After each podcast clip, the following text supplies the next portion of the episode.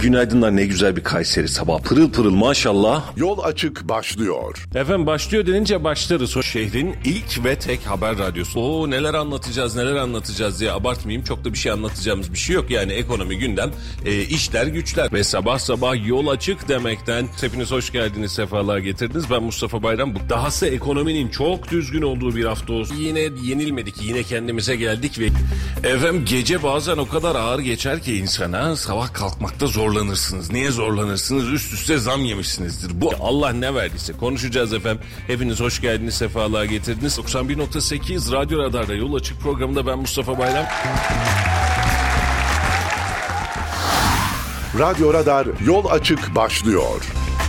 Efendim hayırlı sabahlar ve günaydınlar diliyoruz hepinize. Yeni bir sabah ve yağmurlu bir Kayseri sabahından hepinize günaydınlar. Biz de 3 günlük bir sizlerle birlikte olamama arasından sonra sizlerle yeniden birlikteyiz. Hepiniz hoş geldiniz, sefalar getirdiniz. Bugün de saat 9'a kadar sizlerle birlikte olacağız. 91.8 Radyo Radar'da bölgenin tek haber radyosunda ve Kayseri'nin en çok dinlenilen radyo programında, sabah programında sizlerle birlikte olmanın keyfini yaşıyoruz. Hoş geldiniz, sefalar getirdiniz. Halil Bey yolda gelmek üzere o birazcık gecikti. Ahmet Beyciğim günaydın. Günaydın, günaydınlar. Nasılsınız efendim? Teşekkür ederim. Bomba gibiyiz. Sabahında. Yo gayet dinamik bir şekilde kalktık. Bugün e, o kadar da soğuk değildi. Yani yağış vardı ama Kombileri açtık mı? yok. Daha açmadık. Bina e, gruplarında biliyorsun o malum grupları vardır. Apartman grupları. Evet merkezi sistem oylama yapıldı. Oylamada henüz açılmasın dendi. Çünkü yalıtımı iyi herhalde. Yani e, bina içerisinde bir soğukluk yok. Dışarıda o kadar soğuk değildi. Yani e, yağış olmasına rağmen yumuşak bir hava vardı bence bugün. Ayaz yoktu.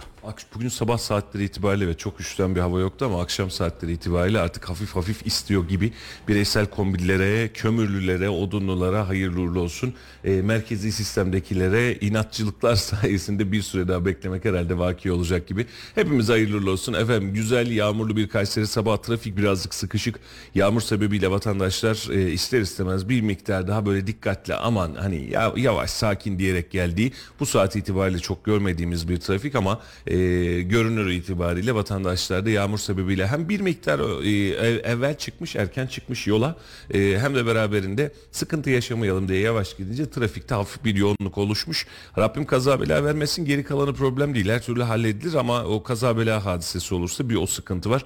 Şu an itibariyle de görünürde bir sadece e, Talas Bulvarı'nın devamında gerçekleşen bu Seyit Burhanettin Mezarlığı'nın ön tarafında bir yoğunluk şu an itibariyle kısmi olarak görünüyor. E, hemen şuradan da bakmak istiyorum. Çay Bağları e, birleşimi ile daha doğrusu Komando Caddesi birleşimi ile Talas birleşiminde çok hafif bir yoğunluk görünüyor. Çok e, kayda değer bir hadise değil. Bunun haricinde de çok ciddi yoğunluğu olan bu saat itibariyle bir bulvarımız yok. İlerleyen dakikalarda yeniden bakacağız bakalım ne olacak diye. Hemen isterseniz izninizle kısadan bir piyasa gündemiyle başlamak istiyorum. Biz sizle beraber değilken ne olmuş? Yine her şey artmış. 27 lira 79 kuruş dolar fiyatı 29 lira 31, 31 kuruşta şu an bankalar arası piyasada euro fiyatı gerçekleşiyor. Altının ons fiyatı yeniden bir düşüş sergileyerek 1920 dolarlar seviyesine düşmüş. Brent petrolde ise 90.92 dolarlık 90 dolar 92 centlik e, bir fiyat söz konusu. E, ne çıkmış ne yükselmiş aralarda bir yerlerde tutunmaya çalışıyor ama son dönem özellikle İsrail hadisesi, İsrail-Filistin hadisesi sebebiyle önemli miktarda piyasa dengesizlikleri ve varyasyonları ortaya çıkıyor. Geçtiğimiz hafta savaşın başlamasıyla beraber Avrupa piyasasında, doğal gaz piyasasında ciddi bir yükseliş meydana gelmişti. Önümüzdeki günlerde bize yansımasında bunu daha rahat göreceğiz gibi görünüyor. Altında hemen fiyatı bir toparlayalım. Gram altın fiyatı 1797 lira, bir çeyrek altın ise 2935 liraya kadar çıkmış durumda. 3000'e az kaldı, 3000'e ramak kaldı. Önümüzdeki birkaç hareketle herhalde 3000'i de rahat göreceğiz gibi. Efendim altın ons fiyatı düşüyor. Peki bu niye bu kadar artıyor? Efendim çünkü dolar artıyor. Şu an dolardaki fiyatımız tarihi rekorların hemen hemen seviyesinde 27 lira 79 kuruştan şu an itibariyle işlem görüyor dolar. Ee, bu yaklaşık 28 liraya geldim demek anlamına geliyor ve biz bugüne kadar da bu dolar fiyatını görmemiştik. Peki görmeli miyiz normal mi? Buradan bakalım. Orta vadeli ekonomik plan diyor ki evet dolarınız bu kıvama doğru gelecek hatta burayı bir miktar daha aşacak önümüzdeki yıl bir miktar daha aşacak önümüzdeki 3 yılın içerisinde çarpı 2 seviyesine kadar çıkacak diyor. Hani bunun da hesabını iyi yapmak lazım. Karşımıza çıkan dolar kuru e, orta vadeli plan sebebiyle de e, çok böyle anormal gibi durmuyor. Ne diyorsun Ahmet Bey? Yani e, ben bana mı öyle geliyor? Yani Yani rakamsal 2024 olarak- yılında e, çok özür diliyorum hemen şunu söyleyeyim yorumunu alacağım. 2024 yılındaki dolar tahmini 36 lira 78 kuruş. Bu devletin tahmini. E, 2025 yılında 43 lira 90 kuruş ve 2026 yılında 47 lira 80 kuruş olarak öngörülüyor.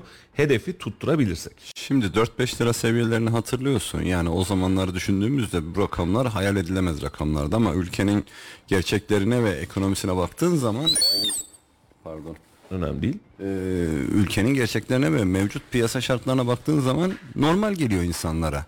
Yani bize de normal geliyor. Aslında e, hatırlarsın siyasilerin işte 5 olacak, 6 olacak, 7 olacak falan diye böyle kahkahalar atarak gülerek e, beyanatlar verdiği günleri hatırlıyoruz. O zamanlar bize gerçekten hayal gibi Berat geliyordu. Albayrak beyanatları değil mi? Tabii tabii tabii tabii böyle şaka yapar gibi işte bu olacakmış falan filan. Demek ki neymiş büyük konuşmamak lazım. Yani ülkenin ya da dünya ekonomisinin seni nereye getireceğini bilemiyorsun. Valla e, karşımıza çıkan rakam ve gittiğimiz yerde yani 2024 yılında 36.78 ben tutturulacak umudundayım işin açıkçası. E, tutturulmaması daha acı yani şöyle 36'nın aşağısında olursa tabii ki ülke menfaatleri için bu anlamda güzel ama orta vadeli planda 36.78 koyduysanız siz 2024 yılında e, normal enflasyon şartlarınızda koysanız zaten bu tabloya gelirsiniz. Evet. Doğru mu? Tabii tabii. Yani bu kur artışı bizim enflasyon mücadelemizde hemen hemen paralel devam etmiş olacak. 2026 yılındaki 47 lira 80 kuruş rakamı o ilk başta buna çok fazla takılmıştık. Orta vadeli plan açıklandığında yanlış hatırlamıyorsam 25 lira 24 lira 25 lira civarındaydık dolarda öyle diye hatırlıyorum. Çarpı 2 İki yılın içerisindeki geleceğimiz nokta idi ve şu anda da piyasa bu noktaya doğru yavaş yavaş devam ediyor. Hakkımızda hayırlısı ama e, özellikle söylemek lazım e, son dönemde yılın son periyodunda dolar üzerindeki baskı bir miktar artacak ve bir miktar daha yükselme yaşayacak diye bir ihtimal birazcık daha önümüzde e, fazla. E, bu ay itibariyle de artık yeniden bir faiz kararı bekleyecek miyiz? Faiz kararı nasıl bir e, dönüşle bize e, yansıma yapacak? Bunları da hep beraber oturup bekleyeceğiz ama ortaya çıkan enflasyon rakamları şunu gösteriyor. Efendim çok da normal gitmiyoruz. Hani lay lay lom galiba sana göre sevmeler değil. Özellikle dolar kurunda öyle bir lay lomluğumuz yok. Ee, enflasyonda da çok fazla öyle gitmiyor ve e, özellikle kış vaktinin yaklaşmasıyla beraber biz kışlık enflasyon serisine Kayseri gibi yörelerde özellikle kışlık enflasyon serisine de dönmüş olacağız. E, doğalgaz, kılık kıyafet masrafları, kömür masrafı, odun masrafı, e, kışlık masrafı derken e, normal yazlık memleketlere göre bir miktar daha enflasyonu fazla hissediyoruz. Şimdi zaten devletin açıkladığı enflasyon rakamlarında devam edersek doğa- doların artmaması mümkün değil. Tabii canım. Dolar artacak. Dolar art, do- dolar artmazsa zaten ülke acayip bir şekilde kalkınıyor demektir. Yani böyle bir şey Öyle bir günler ya acaba. ekono e, şeyin enflasyonun bu kadar arttığı bir ülkede doların artmaması mümkün mü? Matematiksel olarak mümkün değil zaten. Dolar otomatik olarak artacak. Her her gün işte bir şeylere zam geldikçe dolar artacak. Bunlar Trump'a gibi bir, birbirini kaldırıp duruyor sürekli. Halil Beyciğim günaydın. Günaydın, Hoş geldin, hayırlı sefalar getirdin. Günaydın. Ee, Orta Doğu ve Balkanların en iyi dolar tahmincisi olarak hemen senden de e, dolar kurundaki artış ve orta vadeli plan sebebiyle doların önümüzdeki orta vadeli planda e, özellikle 2024'te 36.78, 2025'te 43.90 ve 2026'da 47.80 olması beklediği üzerinde konuşuyorduk ki an itibariyle dolar 27.79'a çıkmış. Yani altının ons fiyatı hatta bu kadar düşükken 1920 dolara kadar yeniden e, dönmüş ama bir çeyrek altının 2935 liraya kadar çıktığı bir dönemdeyiz. Sen ne diyorsun? Dolar yıl sonuna kadar bir miktar daha tırmanır mı? En fazla artsın artsın 1 TL'ye kadar artar 28 olur. Onun haricinde de daha da fazla artacağını düşünmüyorum. Çünkü doları ciddi anlamda bir baskılama artık var. 28'i sanki biraz geçer gibi 27.80 şu an. Olabilir. Yani, Yani 20 29 seviyesi gibi 29'a dersen evet daha mantıklı. En 30 fazla. 30 30 görür 30 görür. Ahmet Bey oradan kafa Bir sallıyor. tatil iddiaya mı Şey girsek acaba diye. ortayı bulalım derdisine böyle. Ya, Olur, geçen olur. yıl bu hadiseden bir tatil kazanmıştım ben çünkü. Hayatta iddiaya girmem ama e, benim tahminlerim 30'un üzerinde olacak. Bak şimdi 2026 e, sonu hedefi 47 TL demek. E, dolara bugün itibariyle hani hadi 1-2 ay sonra 30 diyelim. Yüzde ne yapıyor? 53 Açıklandığı 55. ta- İki tarih yılda itibariyle 24-25 lira civarındaydı. Ee, açıklandığı tarihten. O günden bu tarafa hesap edecek olursan %80'e %80'i geçen bir artış oranı öngörülüyor 2 yıl içerisinde. Toplamdaki %180. Bugün itibariyle söylüyorum. Şimdi 2 yılda totalde yüzde 50 bugün itibariyle diyorum totalde yüzde 55 yüzde 60'lık bir artış oranı sence ge- gerçekçi mi? 2 yılda. Ve biz yıllık yüzde 60 bu devletin açıkladığı rakamlar e, TÜİK rakamları yani bizim hissettiğimiz markete gittiğimiz zaman hissettiğimiz rakamlar değil. E, şimdi yüzde 60 olan bir enflasyonda ne demek? Şimdi dolar niye artar? Senin paranın değeri azalırsa artar. Evet. Senin paran niye azalır? Değeri azalır. Enflasyon olursa. E, o zaman enflasyonist bir ortamda bu kadar yüksek enflasyon olduğu yerde de doların 30 liralarda, 35 liralarda, 40 liralarda yani hele hele 2 yıl sonra 45-47 liralarda kalması Çok ma- akıl kârı gibi durmuyor. Geçerli bir şey değil, rakam Ya değil. ben şöyle orta vadeli planı keşke tuttursak çünkü biz çok uzun zamandır ekonomik hiçbir planı tutturamadık. 6 ay gözümüzü kapattık, uyuyakaldık, aman bekliyoruz dedik ve bir türlü olmadı. Gözümüzü erken Onun için e, yok bakan bey bakan bey'in de göz açamadık biz. Gözümüzü açsaydık zaten böyle olmazdı. o günden o günden beri. Vur Allah vur göz açtırmıyorlar adamı. Göz açtı. Hayır eğer doların fiyatını TÜİK belirlese aslında sıkıntı kalmayacak da o belirleyemiyor. Evet.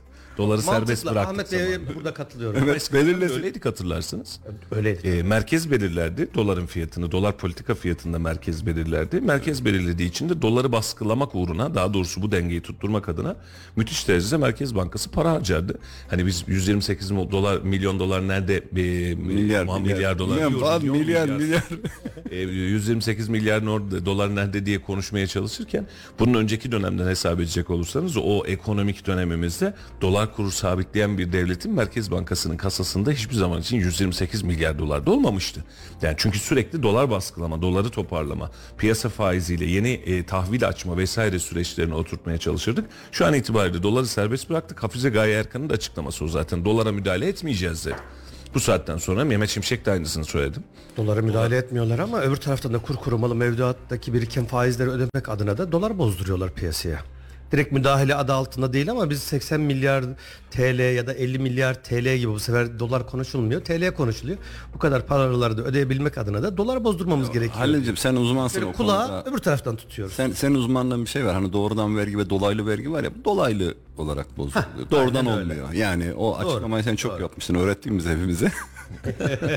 Öğretti öğretti vallahi öğretti. Hepsini öğretti. Yakında biz de olacağız bu gidişte. Valla piyasa şartları itibariyle özellikle yağmurun bu kadar yağdığı günlerde eee, bunu daha rahat görebiliyoruz. Vatandaşın önümüzdeki ay itibariyle yansıyacak doğal gaz, elektrik faturaları, sıcak su bedelleri dahil olmak üzere bir miktar eee, zorluk ve darlık getirecek. Enflasyonun bu kadar arttığı yerde, doların bu kadar arttığı yerde, pet, petrolün bu kadar arttığı yerde şimdi hepsini topluyorsunuz. Eee, 7500 artı 6 aylık dönem içerisinde bir defaya mahsus 5000 lira alan emekli, 11400 lira alan asgari ücretlinin hali nicedir diye de sormadan edemiyoruz. Eee, şimdi ücretlerini mi arttıralım efendim? Valla ücretlerini arttırmayalım ama biz şu hızlanmış dolar kurunu ve beraberinde enerji fiyatlarını bir miktar düşürmenin yöntemine baksak herhalde çok çok daha iyi olacak. Su faturasının bile altından kalkamayan bir millete eee, biz tutacağız yarın bir gün hadi bakalım ne yapıyoruz? Eee doğalgaz faturası gelmiş kaç lira olmuş diye. Bugün yarın başlar Ahmet Bey size gelmeye. Niye bu kadar arttı son zamanlarda? Suya zam yaptık. Normalin yani diğer emtialara gelen zamdan daha mı fazla zam geldi? Yani Aslında değil. Birkaç Şöyle, yıl önce çok özür dilerim. Birkaç yıl önce yani dinleyicilerimiz de hak vereceklerdir. Birkaç sene önce en yüksek evine su parası gelen 30 lira, 40 lira. Hadi bilemedin 50 lira. Şimdi 250-300 liranın altına gelen yok neredeyse. Elektrik parasıyla şu anda yarışıyor benim gözlemlediğim. Yani bize Aynen gelen öyle, faturalara bakıyorum. Vatandaşlar sık sık gönderiyorlar. Hem elektrik faturasını hem su faturasının fotoğrafını çekip gönderiyorlar.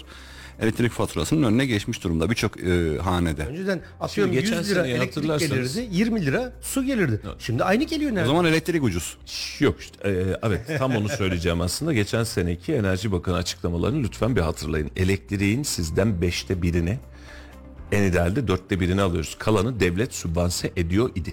Hala da etmeye devam ediyor. Sanayi üretiminde sübvanse etmiyor. Sanayi ve e, santral kullanımındaki o elektrikler var ya bunlar da sübvanse etmiyor ama beraberinde vatandaştaki elektrik de sübvanse ediyor. Yani e, şu an itibariyle elektrik faturanız ne kadar geliyor? Örnek veriyorum 300 lira geliyor. Normalde o faturanın bedeli 1200 lira ya da 1500 lira civarında. Geri kalan kısım devlet tarafından karşılanmış gibi oluyor. Aslında doğrudan karşılanıyor e, ama size sanayi üretiminde vermiş olduğu zamlar ve bunun tüketim bedelleriyle beraber aslında dolaylı alıyor. Hani biraz önceki senin söylediğin doğrudan Su dolaylı. faturalarında tabii belediyelerde olduğu için onların Aynen. böyle bir Ee, uygulaması yok. Onlar doğrudan bütün mas- maliyeti yansıtıyorlar o zaman. faturalarında bir sübvansiyon yok. Ee, işte ulaşımı sübvanse ediyoruz. Ee, kent ekmeği sübvanse ediyoruz e, gerektiği zaman ama suyla alakalı bir sübvansiyon yok. Ee, bunun içinde su faturaları bir miktar farklı. Ee, hani normalde şu an elektrik faturamız 1000-1500 lira civarında gelmiş olsaydı 200 lira su faturası gözümüzde çok fazla görünmezdi. Biz sıkılaştırmayı seviyoruz. Bunu şekerde yapmıştık hatırlarsanız. Evet. Ee, yağda yaptık bir miktar. Uzun zaman şekeri baskıladık baskıladık. Her şeye zam geldi. Şekere bir türlü zam gelmedi. Çaya bir türlü zam gelmedi. Üzerine gelen zam furyasıyla beraber şu an çay ve şeker bizim için anormal hale geldi. Aslında normal akışına bırakmış olsaydık alıştıra alıştıra bu e, şey de, denge Ya geçecekti. hatırlıyorsun 2 sene önce 190 liraya 199 lira yanlış hatırlamıyorsam şeker 202 almıştık. liraya almıştık sen. 202 ya da miydi? 203 liraydı. Düz 200 lira desen bir sene sonra 1200 lira oldu bir anda. Evet. Ha, şu anki fiyatını bilmiyorum Şu an herhalde. 2000 lira civarında. 2000 lira, en, en, en ucuz alınan şeker 1600-1600 küsürler civarından alınıyor. Piyasa şekeri 2000 lira civarından alınıyor. Türk şeker değilse 2000 lira civarından alınıyor. Ee, biz 2 yılın içerisinde 10 katı kadar şekerde fiyat farkı. 10 katı tam 10 katı.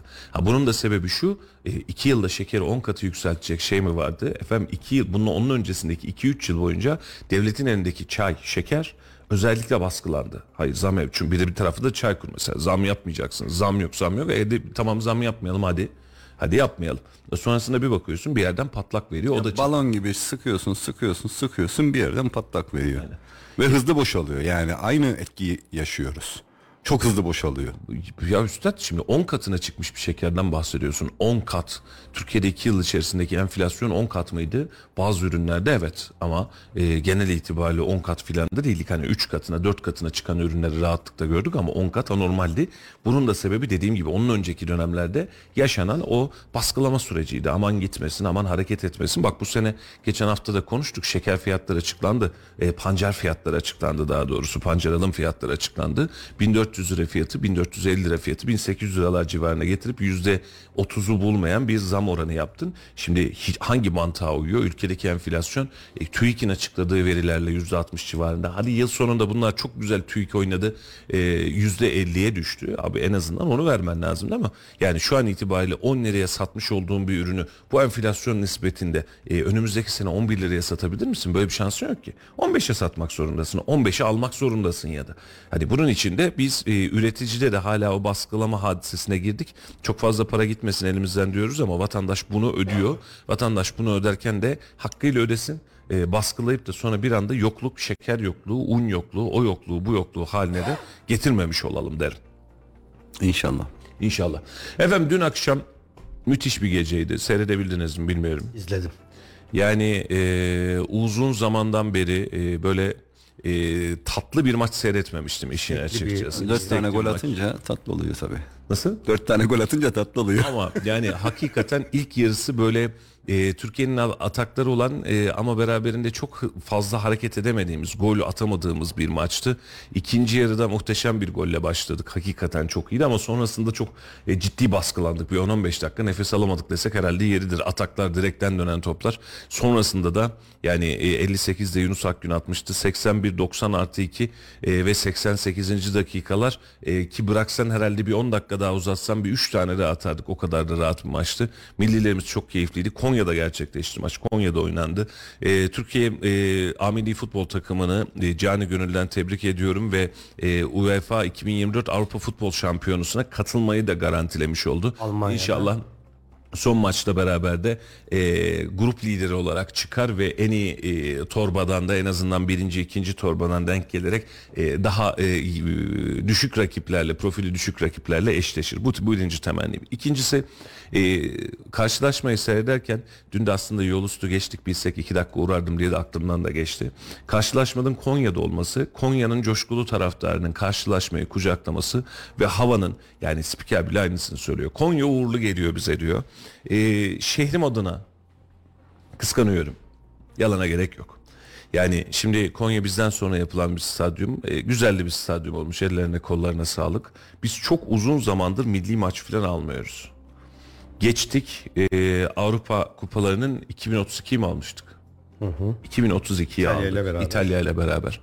E, Kayseri Kadir Has Stadyumu ya da yapılabilecek mi acaba diyebileceğin herhangi bir stadyum bu isimlerin içerisinde yok.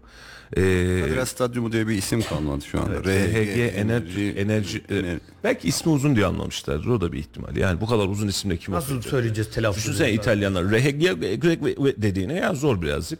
Ama Kayseri e, bu klasmana girmedi. E, hakikaten hem üzgünüm hem de birazcık geriliyorum bu işe. E, ben de ekran görüntüleri var. Bir dönem almışım. E, bir dönem o kadar fazla milli maç falan oynanıyordu ki hatta çok iyi hatırlıyorum Hürriyet'te çıkan bir haberin altında vatandaş yoruma ekran görüntüsünü almışım o zaman. Hayırdır diyor ya Kayseri başkent mi oldu diyor. Bak biz böyle bir dönemden yani her maçın Kayseri'de oynandığı, Kayseri'ye geldiği çünkü maçlar, süper kupalar vesaireler 2010 yılı Andorra maçıydı yani açılışından sonraki o Andorra maçı kazandığımız maçtı. Ben de oradaydım o maçta. İlk böyle hazırlık maçı 2008 ya da 2009'da diye 2009 hatırlıyorum. yılında İlk zaten açılışı maç. yapıldı. 2009 açılışıydı. 2010 yılında Andorra maçı yapıldı. Sonra Japonya maçı oynandı. U16 milli bir maç oynandı. Ee, ilk benim hatırladığım onlardı o açılış maçından Estonya sonra. mıydı, Litvanya mıydı? İlk Estonya. 2009 Estonya. İlk Evet. milli maça ben gitmiştim. Biletini de hala saklıyordum ama nerede onu bilmiyorum. Saklasan bir daha göremeyeceğiz çünkü. Doğru söylüyorsun. Yani onun için e, böyle e, özel bir yerde saklı bir hatta bankadan kasa kiralayalım sana gerekirse. Yok üzülüyorum hani hakikaten üzülüyorum şehrim adına üzülüyorum. Şimdi e, bu arena stadyumu hadisesini Türkiye'de neredeyse ilk hayali gerçekleştiren Kayseri'ydi. Doğru mu Ahmet? Neredeyse değil ilk. İlkti. Arena konseptindeki ilk stadyum Kadir Has Stadyumu. E, seyirci kapasitesi güzel, aura güzel, alan güzel. Şehir güzel, şehrin turizmi güzel. Şimdi e, geçen hafta da ondan önceki hafta mı yine maçtaydık işte en son hangi maça gittik? Sen gelmedin. E, maça gittik. İşte son içeride oynadığımız maç. Yani kötü bir tarafı yok stadın. Hani şu olur anlarsın yani kardeşim giriyorsun betonlar duvarlar yıkılıyor ya yani hani stat çok bakımsız yani zeminde bir sıkıntımız var. Özellikle şu kış dönemi itibariyle zeminde bir sancı yaşarız muhtemel itibariyle ama 2032'de gerçekleştirecek bir Avrupa şampiyonasından bahsediyorsun. Yani önünde bir 11 yıl var. Yok. 9 yıl var. 32, 23, 9 yıl var. Doğru. 9 yıl var. 9 yıl sonra gerçekleştirilecek bir şampiyona için hazırlanabileceğin çok fazla envanter var. Şimdi burası turizm şehri mi değil? Vallahi turizmin göbeğindeyiz dibimizde Kapadokya var. Hani bana vermedin Nevşehir'e verdin desem belki lan mı acaba filan diyeceğim ama Nevşehir'e de vermedin. Ve biz bu takımların içerisinde bu e, alanların içerisinde yokuz. Dün bakıyorum milli maça. Çok keyifli bir maçtı. Bak hakikaten son dönemde seyrettiğim en keyifli millilerdi. Çok isteklilerdi, çok seri paslar, çok estetik işler vardı. Ee, şimdi bir de birine de hakkını vermek gerekiyor. Montelle. Evet. Teknik direktör. Evet. Saha dizilişi, oyuncu seçimi, oyun taktiği hakikaten Kuntz'tan sonra bambaşka bir milli takım olmuş. İki maçta iki galibiyet aldık. Ellerine kollarına sağlık. Adana Demirspor'un teknik direktörüydü. Adana Demirspor'u neler yap, nerelere getirdi. Ve şimdi de milli takımda bence son derece başarılı. İnşallah bu şekilde de devam ederiz. Şey soracağım 2032'de Sivas stadı var mı? Şimdi Biliyor söyleyeyim. musunuz? Şu anda tam onu açıyordum izninle. İstanbul e, Atatürk Olimpiyat Stadı. Yenilenecekmiş bu stadyum Kötü yeniden. bir stadyum. İşte yenilenecekmiş o vakte kadar. Yani e, bir Tribünle şey kapasite izlenen. kapasite fazla ya belki biraz. Ona o rüzgarı kesemezlerse orada sorun var yani orası çok aşırı Ankara, yeni Ankara Stadyumu, yeni stadyummuş. Yeni stadyum. İstanbul Ali Sami Yen, İstanbul Şükrü Saracoğlu, Bursa Timsah Park, Trabzon Şenol Güneş Spor Kompleksi, Konya Büyükşehir Stadyumu, Gaziantep Stadyumu, Eskişehir Stadyumu, Antalya Stadyumu. Şimdi Antalya çok kötü bir stadyum. Ya ben e, şimdi niye bu kadar e, artistik konuşuyorum onu da söyleyeyim. Fark ettik öyle bir. Ben ben görevim gereği yani bu stadyumların hepsini gezdim. Stadyumdaki yaptığım görevden dolayı ve e, Kadir Has Stadyumundan sonra yapılan bu yeni stadyumlar içerisinde en beğendiğim stadyum Sivas Stadyumudur. Çünkü e, arena stadyumlarının birçok dezavantajı var. Hani konuyu çok fazla buraya getirmek, e, detaylı girmek istemiyorum ama hani kapalı olması, güneş almaması, bakımının zor olması ama bunların içerisinde Sivas Stadyumu'nun fiziki konumu, yapılandırılması, koridorlar, o e, yükseklik, mesafe, e, bina ve yapı anlamında en güzel stadyum bence Sivas Stadyumu. Ya burada mesele sadece stadyumların güzel olmasından ziyade işin bir de turizm, Türkiye'nin tanıtımı ve ya da o e, bölgelerin vekilleri, bakanları mutlaka etkilidir. Şimdi Antalya'yı ben anlarım. Antalya'da sen bir Avrupa şampiyonası ya da dünya Tamamen turistik yaptığın zaman- düşünülmüş ya. Turistik Böyle düşünülmüş. merdiven altında odalar var, bilmem bir şey Konya var, aynı daracık koridorlar. Yapılsın. Konya'da, Antalya'da tamam ben anlarım bunu. Ama Antep'i çok anlayamam açıkçası. Ya da Gastronomi Ankara'yı. turizmi mi yapacağız? Ya da Ankara'yı. Ankara'da Ya da- turizmi var. Ya da Ankara'yı anlayamam. Turizm mi var? Trabzon'u anlayamam. Eskişehir'i de anlayamam. Ya dün İzmir dersin anlarım. ya bak e, Ya o zaman hızlı trene ve şeye şey benzeteceğim işi kusuruma bakmayın otoyola benzeteceğim işi ama e, hakikaten Kayseri'yi bu kadar fazla sahipsiz ve bu kadar açık bırakmak bana birazcık garip geliyor. Bakın dün maçın sonuna doğru fark etmişindir belki ama Konya stadyumunda şöyle bir e, afiş asılıydı. 2023 herhalde tarih yazıyor muydu emin değilim. E, Dünya Spor Başkenti. E, Avrupa Spor Başkenti. Özür diliyorum. O gün maratonda biz haberini yapmıştık hatırlıyor musun? Evet. Biz de Avrupa Spor Kenti seçildik. Başkenti Konya'ymış. Seviniyorduk bir de. Hatta konuşmaların arasından birkaç sufle var. Biz araştıramamıştık. Bakan olduk diye seviniyoruz. Orada başbakan var mı? Ha aynen öyle. Yani biz de önümüzdeki yıla inşallah yapacağımız çalışmalarla başkent seçileceğiz falan.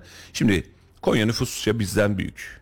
Ama ben hakikaten bana müthiş derecede garip geliyor sevgili dostlar. Kusuruma bakmayın. Yani benle aynı fikirde misiniz bilmem. Bundan 5 yıl önce 10 yıl önce sen üniversiteyi Konya'da okudun Ahmet Bey. Evet. Şimdi Kayseri Konya ile rekabet eder. Hatta o Anadolu aslanları dediğimiz dönemde Konya'ya geçtiğimizi bile iddia ederdik. Doğru mu? Yani O 30 biz yıl önceydi yani bahsettiğin e, Konya'da ilk tramvayın yapılması onlar işte Kiel miydi neydi bir ülkeyle bir şehirle kardeş şehir ilan edildik raylar gelecekti raylar oraya gitti ben o zaman öğrenciydim orada ama bundan 30 32 yıl geçmiş üzerinden şimdi Konya'ya bakıyorsun. o zaman paraleldik yani Daha dün geçtik. eşittik. Daha dün geçtik.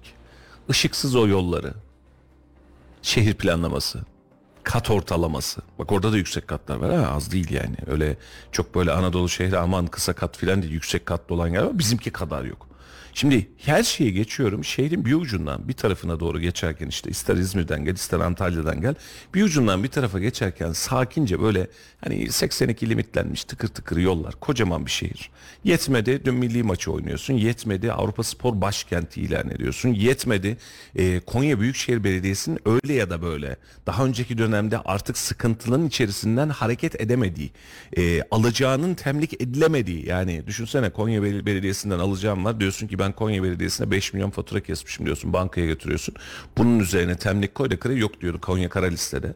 Bunların tamamının toparlandığı siyaseten müthiş başarılarla dolu bir Konya. Bak ekonomik anlamda demiyorum. Siyaseten müthiş başarılarla dolu ya. Ekonomik anlamda da başarılarla dolu. Yo yo işte onun da sebebi altyapısı siyaset.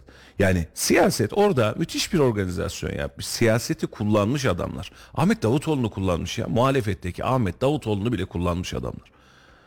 Ve biz şu an itibariyle bakıyorum Konya'ya işte Konya Büyükşehir Stadyumu finali de oynatsınlar da göreyim azıcık böyle keyif alırız. Yakışır. Anadolu şehri olarak Konya'ya da yakışır. Sancılandığım, kıskandığım, darlandığım nokta bu. Biz neredeyiz abi? Biz neredeyiz? Hakikaten neredeyiz? Yani buradan buraya gitmek mi? Yani hakikaten gideyim artık ya. Yani maçın oynanacağı e, listenin içerisinde yoksun. Futbol otoritesinin içerisinde yoksun. E, beraberinde otoyolda otobanda yoksun. Yüksek hızlı trende hadi bakalım bir seçim arefesinde ha babam de babam bir şey çıkarttık ortaya. Hala inşaatını gören yok ama yokuz. Yani yokuz. E şimdi şuradan şuraya gitmeye çalışıyorsun. "A Kardeşim otoban o kadar mı önemli diyorsun? Vallahi önemli ya. Şehrin çıkışından ben şuradan düşünsene çevre yol kıvamındaki bir yerden yeni çevre yol kıvamındaki bir yerden çıksam otobana girsem Ankara'ya düşsem İstanbul'a düşsem Şimdi bunun, bunun için gayret göstermek lazım. Gayret olmadan sonuç alamazsın. Sana yıllar öncesinden bir olay anlatayım çok kısaca. Şimdi Erciyes Spor ve Kayseri Spor'a maç oynatıyoruz. Kadir Has Stadyumunda o zamanki ismiyle Kadir Has Stadyumunda. Yani bir hafta bir oynuyor bir hafta bir oynuyor. Böyle fikstür şaşırması arada 2-3 gün olmuyor. Yani 7 gün süre var. Oranın bakımı hazırlanması zor bir ihtimal. Yani çok zor bir sezon geçiriyoruz. Haftanın tam ortasına federasyon bir maç verdi. Sanırım bir kupa maçıydı, bir bir şey maçı verdi. Mi neydi bir şey vardı herhalde. Dedim ki ya biz e, normal stadyumlar iki haftada bir maç yaptırıyorlar. Saha bakımlarını şeylerini zor yapıyorlar. Federasyon yetkilileriyle görüşüyorum. Haftanın tam ortasına dedim 3 gün sonra ya bize maç verdiniz. Biz ne yapacağız dedim. Türkiye'de dedi sizin ekibiniz dışında bu işin altından kalkan kimse olamaz dedi. O yüzden size verdik maçı dediler. Evet. Gurur duyucu bir, bir şeydi. Yani ekip şevkle çalıştı. Çok zor şartlarda yani 3 günde bir maç oynatıyorsunuz. Zemin ayakta tutacaksınız. Stadyumu hazırlayacaksınız. Temizliği, bakımı, e, her şeyi yapmanız gerekiyor büyük bir keyifti ama ekibin ve şeyin e, federasyonda yani oradaki lobimiz, oradaki insanlar olan diyaloglarımızın sayesinde biz bu kadar çok maç alıp oynatabiliyorduk ve bunların hepsinin altından kalkabiliyorduk. Evet. Ama şimdi e, şey yapamıyorsun yani bir de rakiplerin var. Bir sürü Türkiye'de aynı konsepte yani bina yapısı diyorsan paralar harcanmış birçok bina yapılmış. Geriye ne kalıyor? Şehrin dinamikleri kalıyor. Sen şehir olarak da biz U20 Dünya Şampiyonası'nı oynattığımız dönem bilirsin Mustafa. Evet. Yani Dünya Şampiyonası'nın açılış seremonisi ve açılışını yapıyorsun. U20 Dünya FIFA Dünya Şampiyonası. Yani Luis Castro işte e, Arjantin milli takımının menajeri Kayseri sorumlusu 3 ay burada kalıyor. Yani dünya arenasına çıkıyorsun ve burada diyorlar ki işte 8 tane e, şehir var, stadyum var. Kayseri bu işin açılışını yapacak. Siz en iyisini yaparsınız diyorlar. Yani burada böyle bir şey var. Ha ne oluyor? Seyirci bulamıyoruz. Çok ciddi anlamda seyirci sıkıntısı çektik hatırlıyorsunuz. Evet. Ama şimdi e, Halil Bey'in bahsettiği gibi turizm olan insanların böyle Konya gibi coşkuyla gittiği yerler e, senin binan varsa orada da bina var. Artık bir sürü bina var. Bir sürü stadyum var. Kaptırıyorsun ister istemez. Valla e, millet de bina yapıyor. E, bina ise dert evet sadece bina olarak kalmıyor. E, dediğine de katılıyorum. Biz burada spor kültürü olarak da şimdi Kayseri Spor başarılar diliyoruz. Şehrimizin takımı. E, başındaki başkanın, e, önceki başkanının ya da bir önceki başkanının ya da iki tane siyasinin e, takımı değil. Kayseri'nin takımı. Adını Kayseri'den alıyor. Ama bugüne kadar Kayseri Spor'da da aynısını yaşadık. E, sağ olsunlar bir kapalı kale var. Varımız yoğumuz. Onlar 500 olmasa zaten 1000 statta kimse yok 500 ki. Aynen öyle. Şehirde bu kültürü oluşturamadık Ahmet Bey. Yani stadyumun ilk zamanlarını bir hatırlayın. Kadın, erkek, aile vesaire gidilen yerden e, şehir başka bir kültüre doğru evrilmeye başladı. Stadyuma insanlar maç seyretmek için gitmemeye başladı. Ne zaman maçlarda doluluk var? Büyük maçlarda. Ya Fenerbahçe maçı, Federasyon bu konuda değişik şeyler yaptı. Kadın ve çocuklara ücretsiz dedi. Hatırlar mısınız? Kadın ve çocuklar için özel e, papatyalı tribünler hazırlandı. Sırf aileleri stadyumlara Gelsinler çağırabilmek için, getirebilmek Bak, için. Çok iyi Sonuçta hatırlıyorum. 90'lı yıllarda Kayseri Spor ikinci ligdeydi. O zamanki ikinci ligdeydi. Uzun bir süre birinci lige yani Süper Lig'e çıkamamıştık şimdiki adıyla. Çok iyi hatırlıyorum o dönem oldukça fazla stadyuma giderdik. Yani eski stadyum. İkinci ligdeyken ortalama 13-15 bin taraftarla oynardı. Böyle bir şey yoktu. Yani birinci lig takımlarının maçlarından daha fazla biz burada ikinci lig için buraya tribünlere Seyirci insanlarımız toplanır. gelirdi, seyirci gelirdi. Şimdi o günden bugüne e, bakıyorsun normal maçlara bakıyorsun 5000 kişi yok. İkinci ligdeyken 15 bin kişiyle oynuyorsun, 20 bin kişiyle oynuyorsun. Ama birinci ligdesin. Şurada Sivas maçı gelmiş örnek veriyorum. Ya da e, işte bi- birincilik takımlarına Rize Spor maçı var Kayseri Spor'la bir bakıyorsun 5000 kişi yok statta. Valla bu da bir nereye? kültür meselesi. İşte yani o sahada e, malzemeyi atarsan, küfür edersen, olay çıkartırsan e, beraberinde Kayseri Spor olarak bunu özellikle Kayseri Spor üzerinde söylüyorum. Vatandaşı, taraftarı e, stadyuma çekecek aktiviteleri ve etkinliklerden geri durursan hatta geldiklerinde ya benim kızıma da şöyle diyorlar ben bana böyle söylüyorlar filan diye mızmızlanmayı bırakıp da o ambiyansı eğer oluşturabilecek olursan iş tamamlanmış oluyor. Biz Kayseri Spor'un gittiğimiz her maçında Kayseri Spor'u yense de yenilse de gittiğimizde yenildiği çok vaki değil çok şükür ama e, yense de yenilse de ya keyif alıyoruz. Şehrimin takımı düşmesin yeter. Yani şu an itibariyle şampiyonluk mu bekleyeceğiz Kayseri Spor'da? Düşmesin ya. Yani sadece, sadece tramvay ücreti, tramvayı ücretsiz yaparak da seyirci toplayamıyorsun. Aynen öyle. Yani bunu daha önce de söyledim. Kayseri sporlu yöneticilere de söyledim. Halicim beraber yaşamıştık hatırlıyorsun. Beşiktaş çarşıda oturuyoruz Ahmet Bey. Beşiktaş'ın Sivas sporlu maçı varmış o gün. Yani bahsetmiş olduğumuz Beşiktaş Galatasaray maçı değil. Beşiktaş Sivas spor maçı. Hatırladın değil mi? Evet. Böyle hafif de yağmurlu bir hava var. Ekim Tam ayıydı Aynen öyle. Aynı Tam böyle. böyle heykelin orada bir kafe bulduk. Halil'le sığındık yağmur geçsin diye bir yerde işimiz var. Çay kahve içeceğiz. Ya adamlar bando takımı yapmış, eğlenceler yapmış, etrafta mekanlar var. Yaşıyor ya. Adamlar maçı yaşıyor. Şimdi bu bir sosyal ihtiyaç arkadaş. Ya futbolun çok bileşeni var. Yani bu sosyal ihtiyacın içerisinde bak bizdekine bakıyorsun şimdi. Kapalı kale bir yerde birleşiyor. En fazla Sivas stadyumda. Caddesi'nde bir yürüyüş yapıyor. Bitti. Şimdi e, kapalı kalelik arkadaşlar ne olur kusurumuza bakmasın. Yani yürüyen arkadaşlar da böyle şey e, vur de vuralım öl de ölelim. Yani karşı takımın taraftarını bulsa böyle bir- birbirine giriyor biliyorsun kavga çıkıyor filan. E, peki başka? Şimdi stadyumun etrafında sosyal bir donatım ve alanın yok. Yani insanların gelip de orada rahat edeceği. Ya Yemek hiçbir şey yiyecek yer bile yok ya. Hatırlıyor musun Ahmet Bey? Daha 3-5 hafta bir şey oldu ya. Biri e, çemen ekmek dağıttı kapının önünde. Haber yaptık ya Veskin Nostalji diye. Bak o bile kalmadı. Kapının önünde çemen ekmeğin bile kalmadı. Simit, simit, simit, simit. Başka bir şeyin yok. Şimdi ortada böyle bir yaşanabilir alanın yok. Maçın yaşanabilir bir alanı yok. Maça girdin çıktın tramvayın bir dert otoparkın bir dert ve şimdi biz insanlara futbol keyfinden bahsediyoruz. Ve sonrasında da şunu yaşıyoruz. İşte yani o kadar farklı bileşenler ki biz rakamlara takılıyoruz biz yaptığımız işlere takılıyoruz. Yani biz bu kadar yaptık. Ya kardeşim bunun keyfiyeti var bir de bir de bunun niteliği var. Yani bu niteliğin içerisinde yokuz. Ve bak spor başkenti e, diyor Konya. Biz e, spor ne dedik? Kenti. spor kenti. Adam başkent olmuş. Şimdi stadyumlara bakıyorsun. Bursa var, Trabzon var, Antalya var, Antep var ya. Antep var. Sen yine yoksun. Yoksun ya. Ve dün yani millileri şurada seyretsek kötü mü olurdu? Keyifli olmaz mıydı? Tabii ki.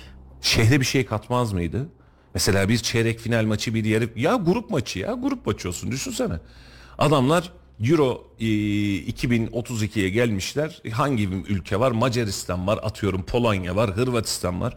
Şimdi onun taraftarı komple bir sana gelecek. Doğru mu? Kayseri'de oynamıştık bak biz bu maçı almıştık diyecek. Tarihine not düşecek. Geldiğinde burada belki alışveriş yapacak. Hadi seni Soğanlı'ya götüreyim de bir balona bindireyim diyeceksin. Kapadokya'ya götüreyim diyeceksin ya. Birkaç gün öncesinden geliyorlar. Şimdi turizm merkezinden bahsediyorsun. Antep'in yeme içme kültürü kabul. Başka yok. Trabzon hangi turizm? Yayla turizmi. Başka yok. Yani şimdi senin burada Erciyes'in var, e, devasa tarihsel alanın var, dibinde Kapadokya'm var ve alanın içerisinde sen yoksun. Bunun adı kulis başarısızlığı, bunun adı siyasi başarısızlıktır bence. E, bunu da sadece e, bir partinin vekillerine değil tüm partinin vekillerine aynı mantıkta söylüyorum. Siyaseten bir şey üreten, şehir için bir şey üreten insanlardan ne yazık ki birazcık uzağız. Şehre üretiyoruz işte o, okul mu yapsak, cami mi yapsak, e, Kur'an kursunu şöyle mi açsak filan diye bunlara e, baya baya bir kendimizi zorluyoruz bu anlamda.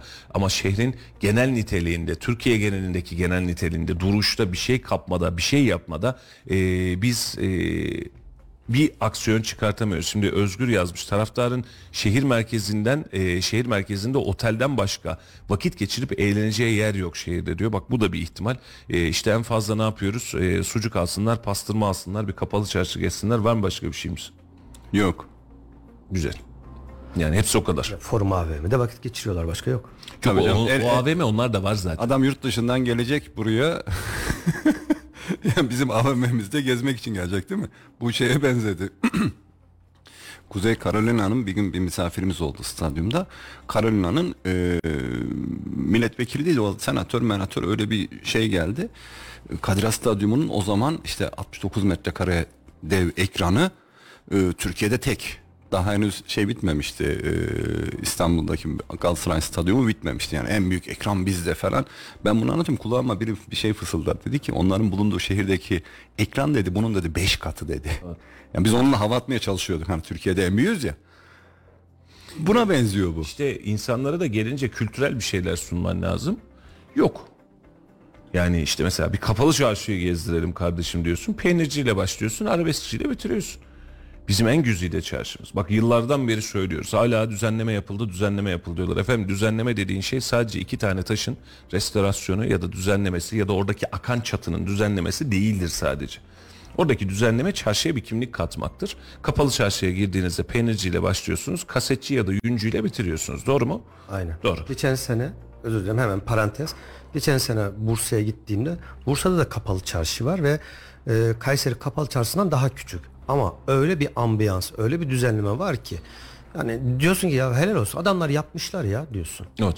O kadar güzel ki. Bizim ka- e, kapalı çarşıya bakıyorsun. Daha da büyüğü. Yani İstanbul kapalı çarşıdan sonra Türkiye'nin en büyük kapalı büyüğü çarşısı. biziz, evet. Kayseri'de.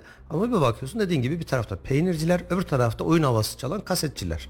Başka yok. Halil'cim bunu e, İl Kültür Müdürümüzü bir programa konuk etmiştik. Ben orada kendisine de sordum niye böyle diye. E, neden restore edilmiyor, neden ele alınmıyor diye. Bizim kapalı çarşımızın e, belli bir oranı vatandaşta, şahısta tapular varmış. Babama da sordum. Baba böyle mi? Evet oğlum dedi. 1950-60'lı yıllarda böyle bir şey çıktı da insanlar satın aldı dedi. Yani orada şahısların dükkanları var.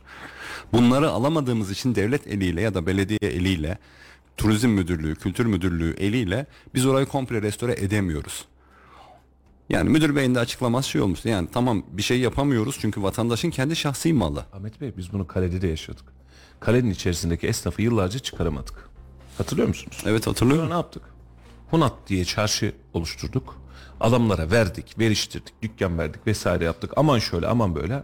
Gittiklerine bin pişmanlar. Ayrı bir hadise. Yani çünkü oradaki canlılığı, oradaki pazarı bir daha bulamadılar. Ama adamları taşıdık. Kalenin içinde işgaliyelerle doluydu. Kimi nasıl çıkartacaksın? Her yer doluydu. Şimdi kapalı çarşı ne yapacağız? Yani biri master proje yapacak, vekilliğe ya da bakanlığa oynarken son projesi olarak mı yapacak? Şimdi içeride mülkiyetler var tamam. Ama hiç mi çaresi yok? Yani biz oradan bir tane yer alsak, bir tane dükkan alsak, tüm kapalı çarşının kaderini biz mi belirleyeceğiz? Kayseri'nin turizm destinasyon kaderini biz mi belirleyeceğiz? Dahasını söyleyeyim sana. Tavukçular Mahallesi. Meşhur bahsettiğimiz Kayseri Mahallesi oldu ya adı. Orada şahsi mülkiyetler yok muydu? Var. Bir sürü. Yapılınca yapılıyor muymuş? Hanlar, konaklar, onlar bunlar var mıydı? Vardı hala var. Restorasyon yapıldı, değerlendirildi, kamulaştırıldı, kiralandı. Bir, şey- bir şey yapıldı ya ortaya. Bak e, şehrin en kötü noktasına yapıldı. İşin en kötü acı tarafı bu. Yani ulaşım olarak da en kötü noktasındasın. Düşünsene şehrin meydanına gelmişsin. Şimdi bir Kayseri mahallesi varmış. Nasıl gideceksin? Bana bir söylesene. Meydandasın. Yürüyerek. Var mı başka alternatif? Çarşının içinden böyle geçeceksin. Sonra sonra gideceksin. Turist olarak düşün. Şimdi oraya bir Kayseri mahallesi yaptın. Konaklar vesaireler. İyi de kardeşim mahallenin etrafındaki düzenek düzen değil ki hala. Hala düzen değil. Şimdi buraya yapabilen adam kapalı çarşıyı mı yapamadı? Mesela kapalı çarşıda yeme, içme, tat, lezzet mekanları olmaz mıydı? İlla ayakkabıcı, kunduracı mı olacak? İşte kültür diyorum ya. Yani bizim artık şu Kayseri'deki yöneticilerin artık bunu hem turizmde e, Kayseri'deki bürokratlar ya da memurlar, müdürler her neyse hem belediyeler ya bir Konya'ya gidin görün. Ya bir Bursa'ya gidin bakın. Bir görün oraya bir gezin. Bu kadar zor mu? Bir de buradan şunu söyleyeyim. Mesela e, sahip olmak, sahiplenmek ve yapabilmek adına Erciyes'in master planının ilk çıktığı dönemi hatırlar mısınız? hatırlarız. Erciyes Büyükşehir Belediyesi'nin falan değildi. Kamunundu. Beraberinde orada gençlik sporun tesisi vardı, üniversitenin vardı, o vardı, bu vardı. Yani o vardı, o vardı derken toplam iki tane, üç tane zaten bir köy hizmetlerinin ne vardı herhalde bir de arada. Bir de karayollarının tesisi Ya da var. karayollarının. O kadar. Hepsi bu kadardı. Devlete ait tesisler vardı başka bir şey yoktu. ki. Eşi tamamen- dostu tanıdığı olan kapıdan içeri girebilirdi. Onun dışında e, arabada sucuk ekmek yerdin hala o kültürü yaşıyoruz yani. Erciyes tamamen sahipsizdi. Bir proje ve vizyon kondu ortaya. Erciyes Master Projesi dendi. Devlet yardım etti, devlet para verdi. Cumhurbaşkanı Erdoğan o zaman hatırlıyorum 50 milyon dolarlar filan ki doların dolar olduğu zamanlar. Geldi gitti tesisler, özel işletmeciler ve bak biz şu an o sürecin de belki de yüzde 40 yüzde 50 kısmındayız daha. Erciyes projesi de daha tam oturmadı tüm tesisleşmeleri ama bak başladı hareket ediyor ve sana turist geliyor. Şimdi düşünüyorsun ya abi hiç olmayacak hiç düşünsene ya askeriyeden arsa alacaksın burayı da park yapacaksın. Askeriye sana arsa verecek şehrin merkezinde. Veriliyor muymuş? Veriliyormuş. Deyince oluyor. Talas'ta jandarmanın bulunduğu yer. Şimdi Talas mesire alanı millet bahçesi devlet bahçeli yapacaklardı ismini de devlet bey istememiş zannedersem. Orası için düşün. Ya alınabiliyor mu? Oranın adı ne oldu? Talas millet bahçesi oldu. Millet Bahçesi. Recep Tayyip Erdoğan olmadı değil mi? Tamam. Karışmasın diye. Her şehre bir tane Recep Tayyip Erdoğan yeter. O sıkıntı yok. Onu yaptık. Şimdi bunu eğer biz yapabiliyorsak işte Kayseri Mahallesi'nin restorasyonunu yapabiliyorsak biz kalenin için düzenleyebiliyorsak e, diğer tarafı e, efendim aslında mülkiyeti vardı. Evet var. Şimdi bunu bizim il kültür müdürümüz Şükrü Bey, Şükrü Bey bu işi halledin dersek Şükrü Bey bu işi yapamaz. Yetki alanı buna haiz değil. Ama siyaset birleşir, güç birleşir, olgu birleşir, iş biter. Ya bir Çevre Şehircilik Bakanımız var ya. Mehmet Özseseki Daha önce de vardı. Daha önce de vardı. Şimdi onun yetki alanına giriyor direkt. Yani bakan isterse yap Yapılmaz mı? Tamam kolay olduğunu söylemiyoruz ama oradaki istimlak çalışmaları ya da kamulaştırma ile beraber e, burası bir de tarihi bir yer. Orayı sen bir sit alanı ilan edersin. Kamulaştırma kanunu çıkarırsın. Haklarını verirsin. Şimdi kimseyi kapının önüne koyalım demiyoruz tabii ki. Ya şöyle düşün. Haklarını verirsin. Kapalı çarşıda bir dükkanın kirası ne kadardır? Misal olarak veriyorum. Bilmiyorum. 10 bin olsun, 20 bin olsun, 30 bin olsun. Yani oradaki esnaf böyle aylık 50-100 bin lira falan çıkartacak esnaf değil. Doğru mu? Yani esnafın iş harcı itibariyle birinde Ortalama bıçak herhalde 20 bin civarındadır. 10 bin 20 bin arasıdır. Ya kardeşim yani biz buraya aklı başında bir kapalı çarşı konseptine dönüştürsek, içeri nezih bir ortam olsa, etkinlik alanlarını, vırtını, zırtını, mappinglerini, ışıklarını, gecesini, gündüzünü, kafelerini yapsan. Tadından yenmez olur mu? Olur. Getirisel olarak bunun çok çok daha fazlası olur mu? Kesinlikle olur. Olur. Yani bu kadar basit. Hani sen alırsın burayı kardeşim tamam sen e, şu sözleşmeyi imza atacaksın. Ben senin restorasyonunu yapacağım, dükkanını yapacağım. Buradan gelen kirayı da sana vereceğim. Bak gelen kirayı da sana vereceğim ya. Fazlasıyla sana vereceğim. Mülkiyet senin mi senin? Şu an kaç lira kiralıyorsun? 10 bin lira kiralıyorum abi. Bak sana ortalama 30 bin lira bugünün faizi itibariyle örnek olarak veriyorum. 30 bin lira kira sözü veriyorum. Hadi buyur. Şimdi hep mi ayakkabıcı olacak, hep mi eşofmancı olacak, hep mi peynirci olacak, hep mi kasetçi olacak? Allah olsun. O gün seninle beraber girdik kapalı çarşıya. ya. Yani hakikaten üzücü. Şimdi esnaf bir şekilde ayakta durmaya çalışıyor. Ayakta durarken bir tanesi de eee, dükkanda yemek yapmaya başlamış. Diğer esnaf da söyleniyor ama bir şey de diyemiyor. Yazık diyor. Yani hani adam yemek yapmıyor. Bir abla var orada yemek yapmaya çalışıyor. Tüm kapalı çarşının işi kuru fasulye kokuyor böyle mis.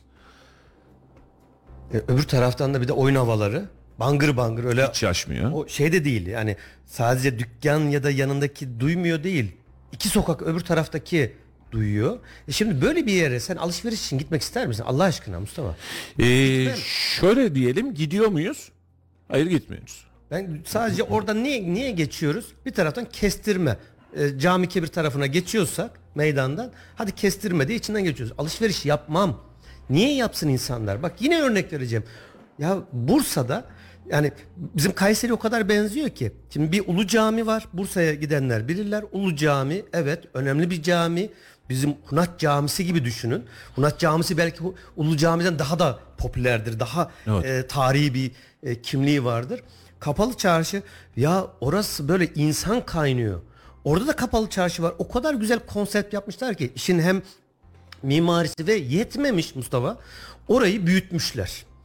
Bursa'nın kapalı çarşısını büyütmüşler. Ama büyütürken de o kadar güzel bir mimari ki. Aslında uygun devam Aslında etmiş. uygun. Aradan iki sene geçsin hangisi yeni hangisi eski ayırt edemezsin. O kadar güzel bir mimariyle.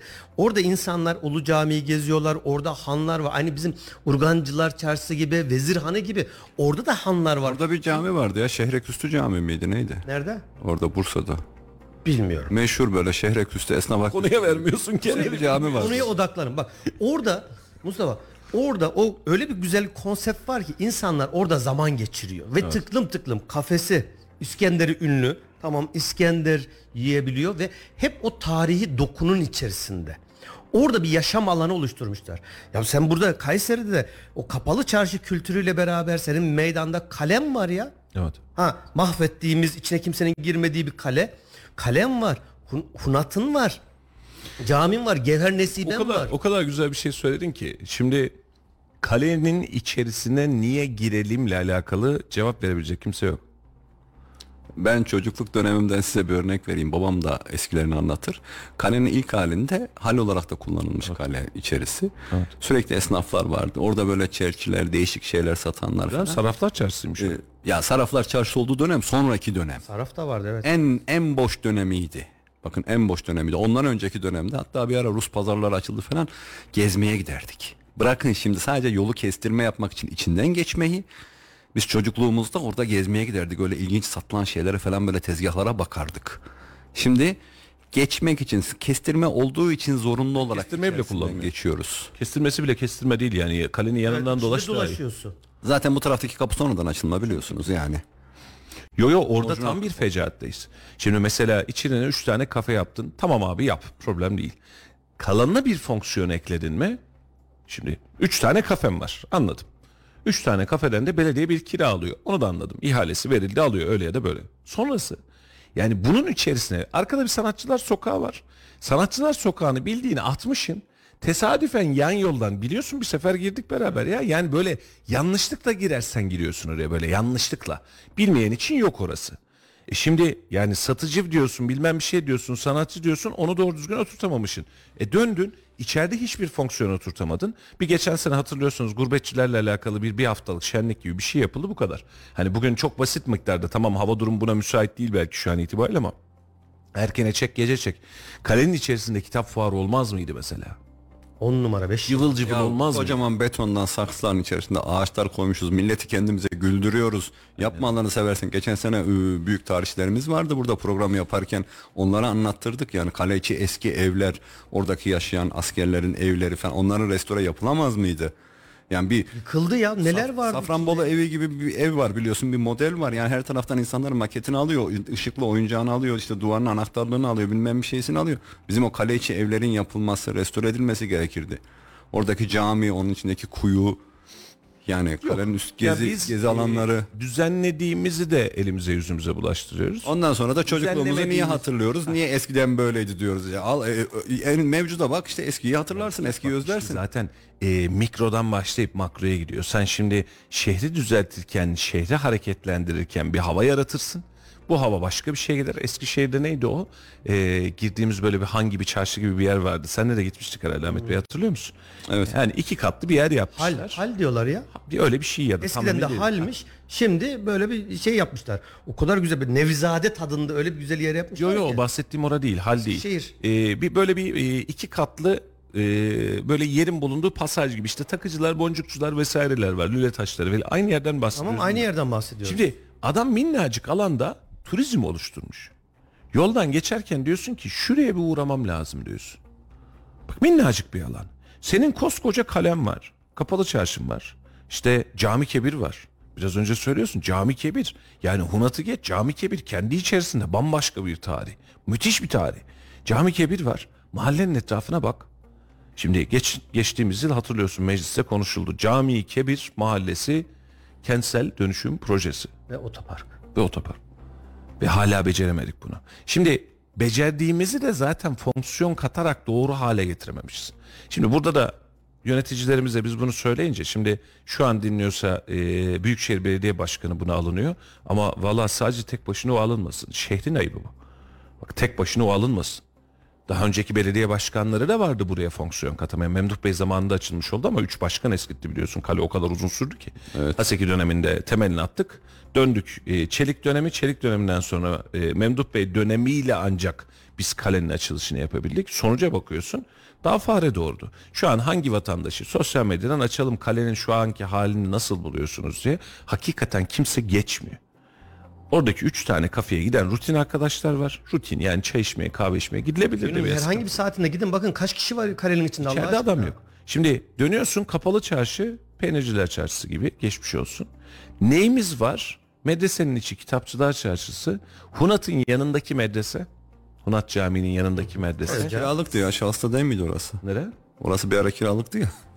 Şahsın da orası. Yok, bir yok, haberini orada falan yapmıştık. Ona değil mi? Yok o şeyde e, bu eski Güneş Hastanesi'nin o taraftaki. Ha, o tam e, cami kebirin içine girerkenki yer var ya orada bir şey vardı o medrese oraydı. Şimdi Hunat'ın içerisine mesela belediye birilerine vermiş Ahmet'e vermiş Mehmet'e vermiş ve öldü parasına vermiş. Yani yeter ki burada bir şey icra etsinler. Bak fikir çok güzel. Fikir hakikaten çok. Burası müzeydi biliyorsunuz değil mi? Ben müzeydi. çocukken müzeydi biz. Orayı. Sonrasında ne oldu biliyor musun? Kimi dükkanı açmıyor, kimi yerine gitmiyor ama kimse de dükkanını bırakmıyor. Bak aynı konsept Sivas'ta da var. Birebir aynısı. Medrese. Gidin bak- bakın Sivas'a. Kayseri'nin üçte biri kadar nüfusu yok.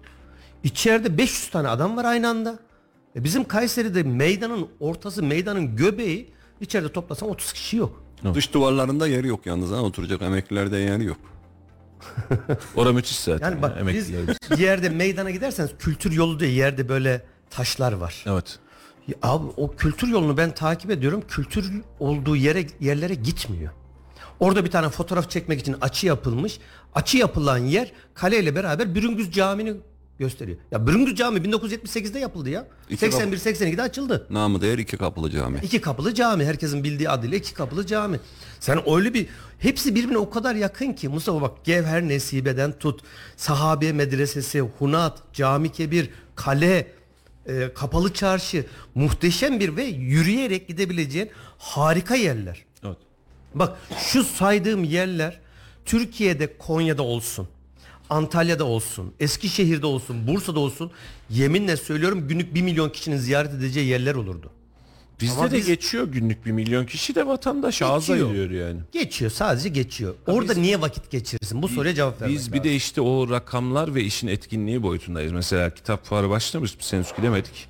Ee, bir uğrarız da. E, şimdi biliyorsun ki mesela 1 milyon ziyaretçi bekliyorum. Ya koy meydana 5 milyon da gelsin. İnsanlar gelip geçiyor. İçerik önemli, fonksiyon önemli. Yaptıysan amenna. Yapmadıysan bir anlamı yok. Şimdi şehir merkezinde dikkat ederseniz büyük işleri belediyeler alıştı. E, büyük işleri şehir meydanında açılış yapıyorlar. Mitingler de öyle. Şehir meydanında başlıyorsun. Niye? Şehir meydanının zaten bir aksiyonu var. Bir hareketi var. Hareketin içerisinde zaten ağız ayırmaya gelen, burada ne oluyormuş diyen belli bir kalabalık oluşturmaya çalışıyorsun. Mesele kalabalığın fonksiyonu. Yani o kalabalık gelecek bir alışveriş yapacak, orada eğlenecek, dinlenecek, kültürel bir ortam oluşturacak. Bunları sağlamamız lazım ama e, görünür itibariyle yakın dönemde de çok sağlayacak gibi gö- görünmüyoruz. E, son bir nokta daha geçmek istiyorum.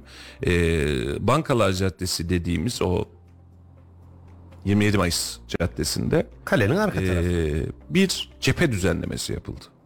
Orasının gerçek adı Millet Caddesi, Bankalar Caddesi, kaleden e, Bilirkuru Kahve'ye doğru giden caddenin adı. Bankalar Caddesi, bahsettiğin cadde Millet Caddesi'dir. Eski adı 27 Mayıs'tır. Evet. 27 Mayıs ve Bankalar Caddesi dahil bir cephe düzenlemesi yapıldı.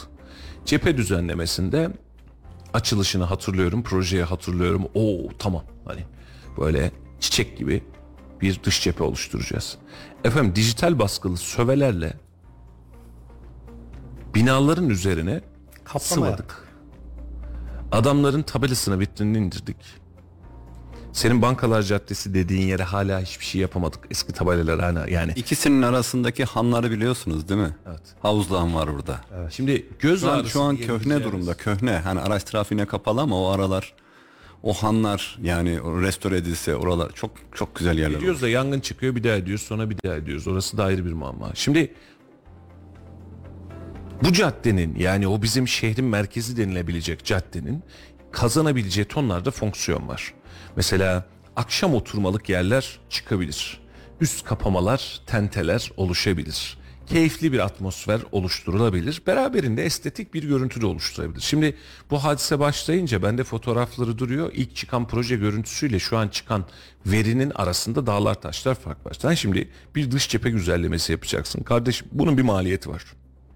Ve sen de bu maliyete razı olmuşsun. Şimdi maliyeti ucuzlatmak adına dijital baskılı söve yapmak nedir arkadaş ya? Ayrandan aşağı su olur başka bir şey olmaz. Ahmet Bey Bakü'ye gittiğimde Azerbaycan'da binaların dış cepheleri tarih kokuyor böyle. Böyle bir şey yok. Dedim ki nasıl oluyor? Abi gel dediler içine bir tane gir içi leş. Şimdi ne yapmışlar biliyor musun?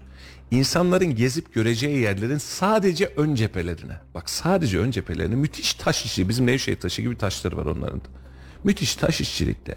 Abi yapmış adam ya. Şimdi geçiyorsun sanki bin yıllık bir caddeden geçiyorsun. Işıklandırmayı da yapmış. Binanın arkası leşa dökülüyor. Hiçbir şey yok. Ama ön tarafı süslemiş. Hollywood film sahneleri setleri gibi o zaman. Dedim o zamanki söyledikleri aslı var yok bilmem Haydar Aliyev'in geçtiği şey İlham Aliyev'in geçtiği yerler bunlar dediler. Yani Haydar Aliyev zamanında da öyleymiş geçtiği yerlerde o güzergahlarda ama binanın dışını bir gör. Hani bizim İstiklal Caddesi falan var ya hikaye kalır yanında. Bak çok net söylüyorum. İstiklal Caddesi'ne göre tarihi binaların yapısı falan hikaye kalır. Abi adam yapmış.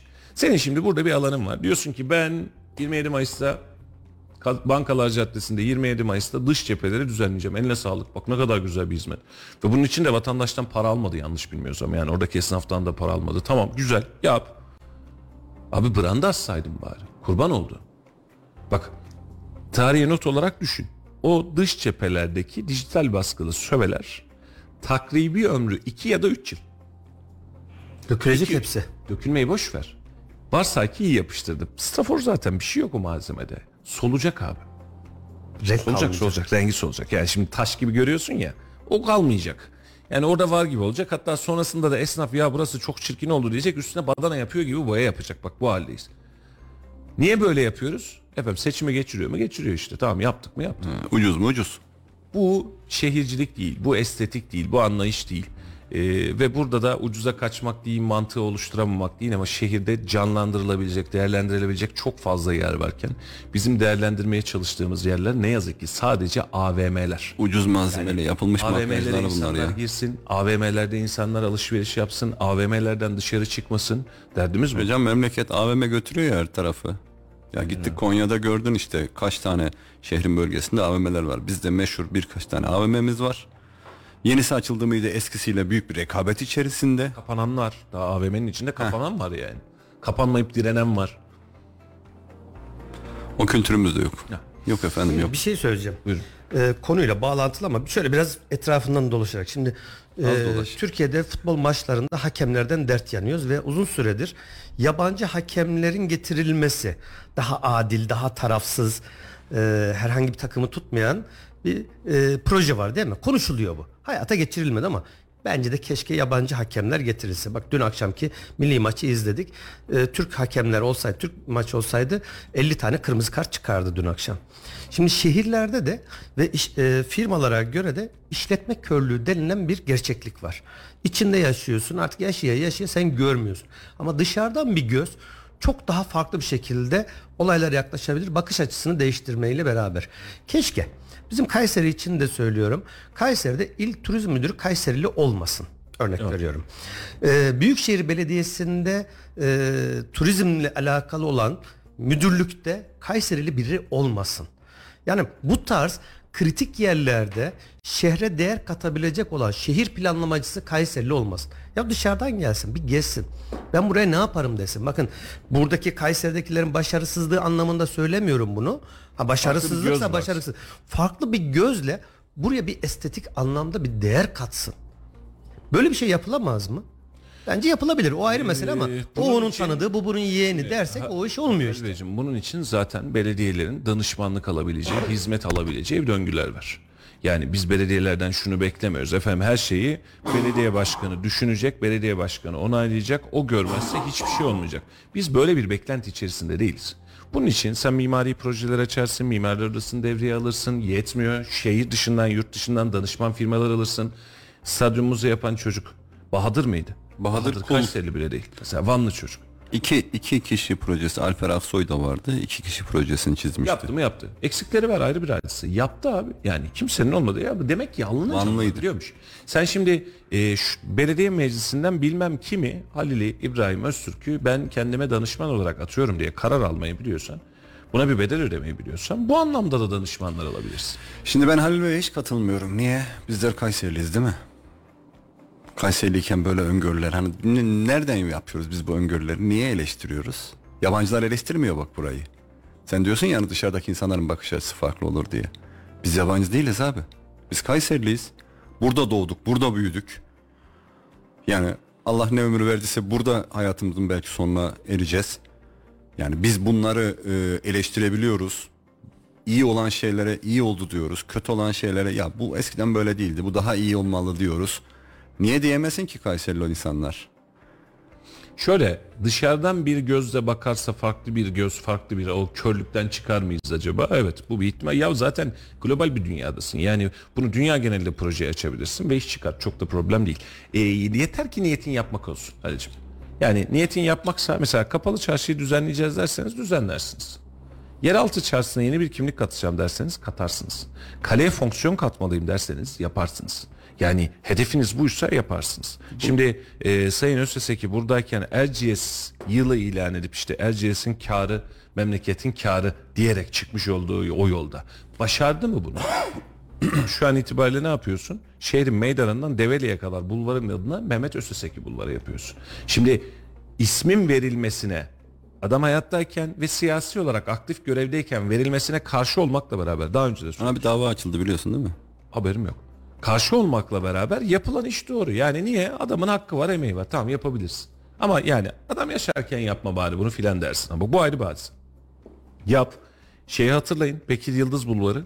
Bekir Yıldız Bulvarı'na niye Bekir Yıldız ismi verildi? Orası bildiğim bataklıktı. Kanal bataklıktı. İşi gücü rast gelsin yani öyle ya da böyle Bekir Yıldız'ın belediye başkanlığı döneminde yaptığı önemli iki tane ıslah çalışmalarından bir tanesi sonra bir tanesi de karpuz atanayı ıslah etmekti. Kocasinan bölgesinde. Kanal boyuna komple betonlar, duvarlar, kanallar, köprüler yapıldı. Ihlamur ağaçları geçildi doğru mu? Şimdi iş bitti. Buranın adını Bekir Yıldız Bulvarı koyalım mı? Koyun ya. Adamın tırnakları kaldı orada emeği var yani. Öyle ya da böyle. Bak şimdi şehre nefes aldırıyor mu? Tabii ki. Geçiş güzergahı olarak kullanıyor musun? Kullanıyorsun. O kanalı bildiğin hani su kanalını, dereyi ve bazı dönemlerde artık leş gibi insanların içine kanalizasyon dökmüyor. Leş gibi kokan Sinekten dereyi. sivrisinekten geçilmezdi. Dereyi sen adam ettin ve orada bir fonksiyon oluşturdun. Adına da Bekir Yıldız. De abi hakkını ver yani. İstenince yapılıyor mu? Bekir Yıldız'ın önemli iki tane. Bak biri karpuz atan biri sonra ben burayı ıslah etmem gerekiyordu dedi ve etti. Haseki Erciyes'i halletmem lazım dedi. Etti. Abi işte şunu anlamıyorum. Tamam bunlar güzel de son 30 yıla baktığımız zaman iki tane üç tane projeden bahsediyoruz. 30 yıl ya. Bundan 30 sene önce biz Kayseri'yi anlatırken ya öyle kaldırımlarımız vardı ki kaldırımda iki tane araba yan yana geçer. Öyle bulvarlarımız var ki iki bulvar arasında yol arasında piknik yapılır derdik. Hadi demezdik diyen çıksın. Not. Abi şimdi ne kaldırım kaldı ne bir şey kaldı. Her yer işgaliye. Ne yol kaldı ne bir şey kaldı. Valla kusura kalmasın da biz burada Konya ile Kayseri kıyaslıyoruz. Çünkü 25 sene 30 sene önce Konya Kayseri yarışıyordu. Artık o yarış yok. Kayseri dünya kenti. Hadi oradan. Nerede dünya kenti? Gidin çıkın bir Kayseri dışına da bir görün. Kayseri'den şurada Boğaz Köprü'den dışarıya adımını atmamış adamlar Kayseri dünya kenti diyor. Neresi dünya kenti? Şehir şehir değil. Niye dünyada kalmasınlar dünyada ama. bir kent değil mi burası? bir de öyle bir de, bir de böyle Kusura düşün. kalmayın. Şuradan Kayseri'den dışarı çıkmamış insanlar Kayseri şöyle, Kayseri böyle. Ya gidin de bir görün, bir kıyaslayın. İşte bak biraz önce gelmeye Konya çalıştım. nere, Kayseri nere ya? Arasında 50 yıl fark oluşmuş ya. Halil'cim ge- gelmeye çalıştığım nokta da oydu zaten. Hani burada bu tür turistik, tarihi yerlerle ilgili eğer insanlar bir şeyler yapacaksa ya da bu pozisyonlardaysa bu insanların dünyayı gezmesi lazım. Biz biz biz, biz Bizimkiler küçücük- sadece gezmişler. Alması gerekenleri almamışlar. biz sadece küçücük, gezmişler. küçücük bütçemizle bir yere giderken bir seyahat zorunlu da olsa bir seyahat ederken bir ağzımızı ayırıp şöyle bakıyoruz. Aa burada ne yapmışlar? Bizde niye yok? Ya da bizde de yapılsa ne olur diye bakıyoruz. Ya da bizdeki daha iyiydi dediğimiz yerler oluyor. O canım. insanların öyle bakmaları lazım. Hatırla yanlış hatırlamıyorsam bu Erciyes Master projesiyle alakalı yurt dışına bayağı bir geziler yapıldı yani. Sayın Öseseki zamanında işte gazetecileri de basını da aldı gitti. Davos'a gidildi, bürokratlarını gidildi, aldı gidildi. gitti. Oradaki sonra e, hatırladım üst düzey bürokratların bir tanesinin direkt ağzından duydum şöyle bir cümle var. Biz ilk başta bir proje oluşturduk. Sonra yurt dışı gezilerini yaptık. Sonra bütün projeyi komple sıfırladık ve yeniden değerlendirmeye aldık. Yani demek ki gidince insanlar fikirlerini değiştiriyorlar. Buradaki düşünceleriyle gittikleri zaman dünyadaki olan gelişmeler, oradaki ülkelerdeki gördükleri bütün projelerini, bütün fikirlerini değiştirebiliyor. Erciyes'te bu yapıldı. Yani bu da yapılabilir. Yani biz diyorum ya yine aynı şekilde ya biz bir yere bir zorunlu bir ziyaret yani bir seyahat Bizimkiler yaptığımızda de he- gidiyorlar da sadece herhalde yemek yiyip geliyorlar herhalde. Bu şehirde ne Sadece var? yemek yiyorlarsa sıkıntı yok. Ya onu burada da Demiyorlar yiyorlar. herhalde. Ee, onu burada da yiyorlar. Çok problem değil. Ya mesela Cumhuriyet Meydanı valiliğin ortadan kaldırılmasıyla beraber e, dünyanın en büyük meydanlarından biri olacak diye yola çıkmıştık. Valilik hala olduğu yerde duruyor. E, kaleyi fonksiyonlaştırdık geri kalanı duruyor. Güzel meydan mı? Güzel meydan. Kocaman mı? Kocaman. Ne yapıyoruz bu kocamana? Hiçbir şey. Siyasi partilere miting yapıyoruz. Olmadı konser yapmaya çalışıyoruz. o kadar. Şimdi meydanın fonksiyonu düşünsene. Dünyanın en büyük meydanını trafiğe kapatıyorsun. Miting yapıyorsun. Geri açıyorsun. Şimdi şunu anlarım. zor bir operasyon Meydanı- aslında. Bu meydanı komple trafiğe kapat. Millet Caddesi vesaire dahil o kapat. Bak Taksim Meydanı insan- gibi yap. Ha, bak bunu bunu anlarım. İşte alttan yol geçir, yeraltı çarşısı. Daha altından geçir. Onun da altından geçir. Yani şimdi istiyorsan yapılabilecek fonksiyon var ama şimdi bakıyoruz efendim bizim çok güzel meydanımız var. Ne var meydanda? Giden araçlar var. Ya yazın Otobüs sıcakta yürüyemiyorsun, kaçacak yer arıyorsun, kafanı sokacak yer arıyorsun. Kışın e, Yeşillik diye bir şey yok. Her yer yağdığı asfalt, zaman taşı. komp devasa bir yeraltı çarşısının üstündeki asfalt ve yoldan ibaret başka bir şey yok ya. Öyle. Ama Türkiye'nin en büyük meydanıyız şu an itibariyle. Tadını çıkar. Fonksiyonu yalnız büyüklüğü değil biliyorsun. güzel. Güzel abi. Eyvah eyvah. Eyvallah. Şimdi birkaç haber açmıştım. Onları geçeyim istiyorum. Ee, birincisi Gazze, Filistin. Maalesef. Ee, kanayan yaramız. Evet. O gün ilk günde de aslında yorumları yapmaya çalışırken e, aynısını düşünmüştük. Ne kadar doğru bir harekattı bu. Filistin tarafından yapılan. Burası bir muammaydı ve şu an itibariyle de alınan sonuçlar itibariyle ne yazık ki bu vahim durumu yani ya ne yaptık biz arkadaş dediğin durumu birazcık daha rahat görüyoruz. E, tabiri caizse ben öyle görüyorum. Yanlışım varsa ne olursun kusurumuza bakmayın. E, işin uzmanı değilim ama gördüğüm kısmı itibariyle söylüyorum. E, Hamas tarafından yapılan bu eylem sonrası e, dünyaya ve İsrail'e e, müthiş bir pas atılmış gibi görünüyor. E, durduğumuz yerde Suriye bombalanıyor. İran hedef alınıyor. E, biz buradan sıkıştırılmaya çalışıyoruz. Biz yetmiyor Doğu Akdeniz'de bunun üzerine Navtex ilan edip bak biz tatbikat yapacağız. Ha öyle ortalıklarda çok gezmeyin kıvamına geliyoruz. E, dünya burada birazcık sıkıştı. E, ve bu sıkışmanın içerisinde Filistin'in evet haklı olduğu davası ama hep konuştuğumuz hadise haklı olduğun davada sivillere hedef almazsın. Askeri tesis hedef alırsın. Başka bir yeri hedef alırsın. Festival alanını o motorlu tekerli şeylerle basıp orada 100-200 kişinin ölümüne sebep olmazsın. Birazcık fazla yanlış yaptık gibi. Ee, peki yanlış yaptık diye vaz mı geçelim? Yok efendim vazgeçmeyelim ayrı bir hadise ama dün Kayseri'den de çıkan e, bir kafile vardı. Ee, yürüyeceğiz diyerek yola çıktılar. Yani Filistin'e kadar yürüyeceğiz diye yola çıktılar. Meydanlarda insanlar kornalara basarak etkinlikler yaptılar. Olmadı iki rekat namaz kıldılar. Ee, Allah kabul etsin.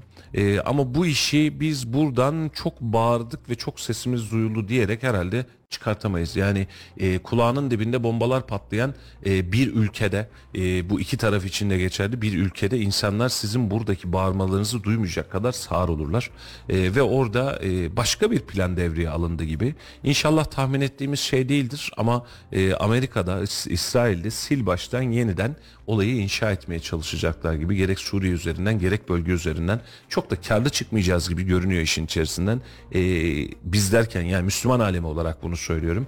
E, ama işin kötü tarafı şu e, muhtemelen kolay kolay çok uzun dönem nefes alamayacak bir Filistin oluşturmak için e, yola çıkmış gibiler. Yani sadece gerilla hareketlerin ya da terör hareketi diye değerlendirebileceği hareketlerin olacağı ama bunun dışında hiçbir hareket fonksiyonu bırakılmayacak bir Filistin'e doğru yol alıyoruz gibi görünüyor üzülerek. Ee, savaşın yani bu- buna biz belki savaş diyebiliriz ve bu savaş genişleyecek diye korkuyorum. Bir taraftan Lübnan orada karşılıklı roketler atılıyor. Bir taraftan e, Suriye, Suriye'den birkaç füze atıldı diye ta Halep'teki ve Şam'daki havalimanları vuruldu. Dün İran açıklaması vardı. Birleşmiş Milletler ve Avrupa Birliği buna müdahil olmazsa e, biz gerekeni yapacağız gibisinden ve da savaş büyüyecek gibisinden doğrudan destek vereceğiz gibi cümleler kurmaya başladı. Diğer taraftan Amerika Birleşik Devletleri'nin e, uçak gemileri şimdi uçak gemisi dediğiniz zaman tek başına bir tane gemiden oluşmuyor bu. Bu bir konsept.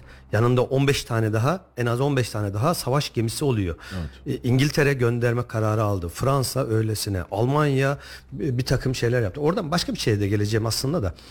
Korkum şu yani Rusya birebir hem Suriye'yi hem İran'ı e, inanılmaz bir stratejik öneme sahip. Başının belası bir Ukrayna ile uğraşıyor ve hazırlıksız yakalandı. Aslında belki de hedef doğrudan acaba İran mı bu e, savaş gemileri, uçak gemileri boşuna mı geldi? Çin öbür taraftan bağımsız bir Filistin'i destekliyoruz, devlet olarak tanınmalı diyor. Olayın farklı farklı yerlere gitme ihtimali yüksek. Hizbullah Lübnan ve Şam tarafından elinde 150 bin tane füze olduğu söyleniyor. Roket ve füze olduğu söyleniyor. Hakikaten büyük yıkımlara sebebiyet verebilir. Allah korusun.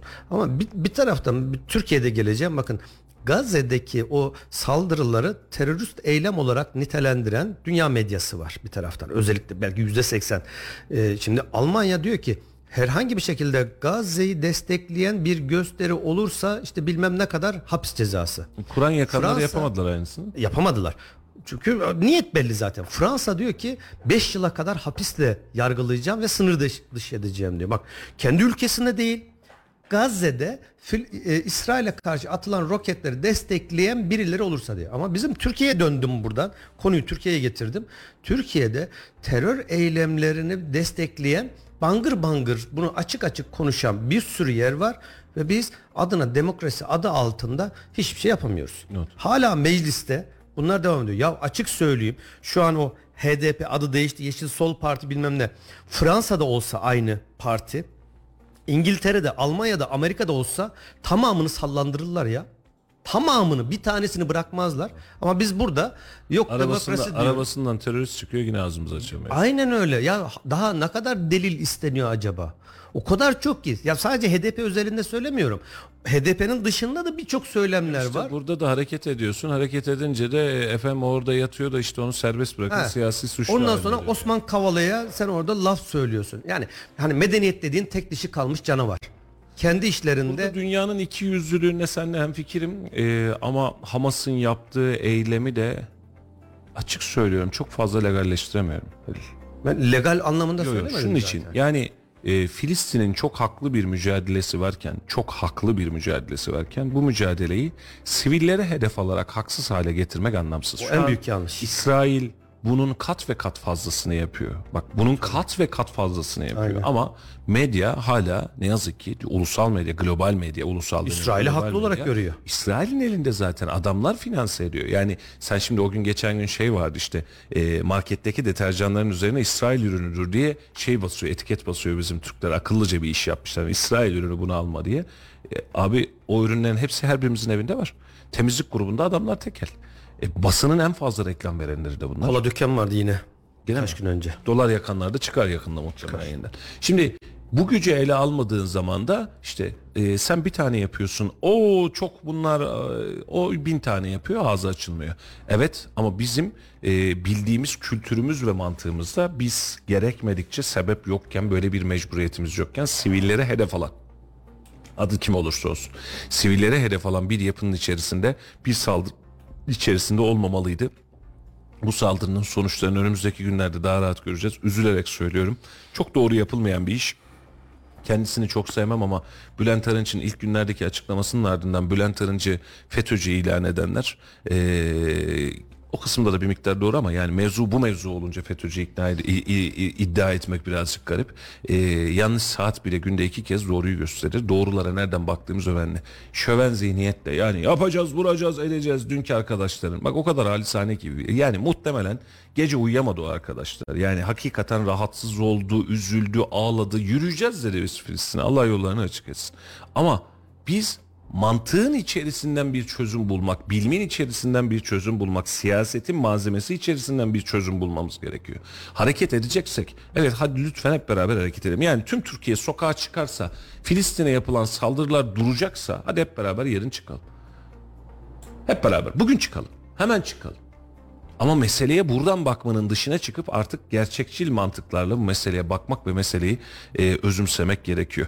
Sevgili dostlar e, yayının sonuna geldik. Yarına konuşulacak çok konumuz kaldı. Yine bugün bir Kayseri'den başladık. Spor şehrimi, spor başkentimi, e, milli takımın e, mücadelesi ve Kayseri'de yapılamayan mücadeleler ve Avrupa Şampiyonası'nı ufaktan değerlendirerek başlamış olduk. Hafta uzun daha çok konuşacağımız şey var Allah izin verirse.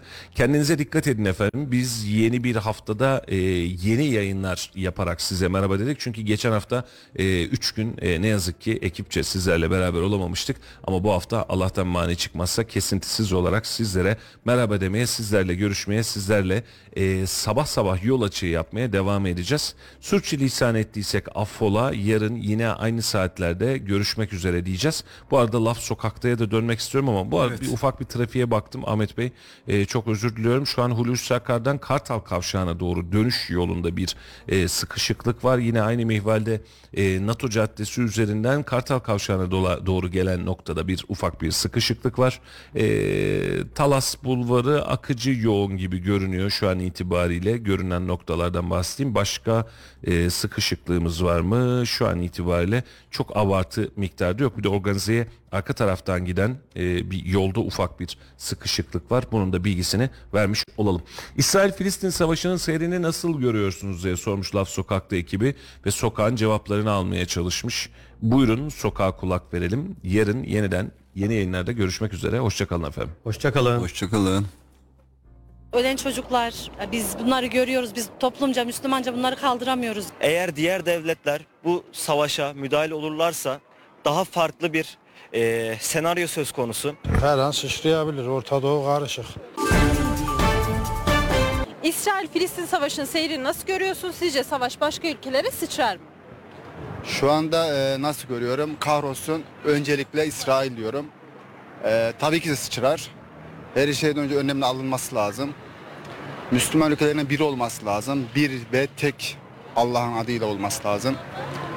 Yani kahrolsun İsrail diyorum. Başka bir şey diyecek sözüm yok. Tabii ki sıçrar Türkiye'de sıçrayabilir. Şu an Türkiye aslında kan ağlıyor ama herkes ha ha ki ki.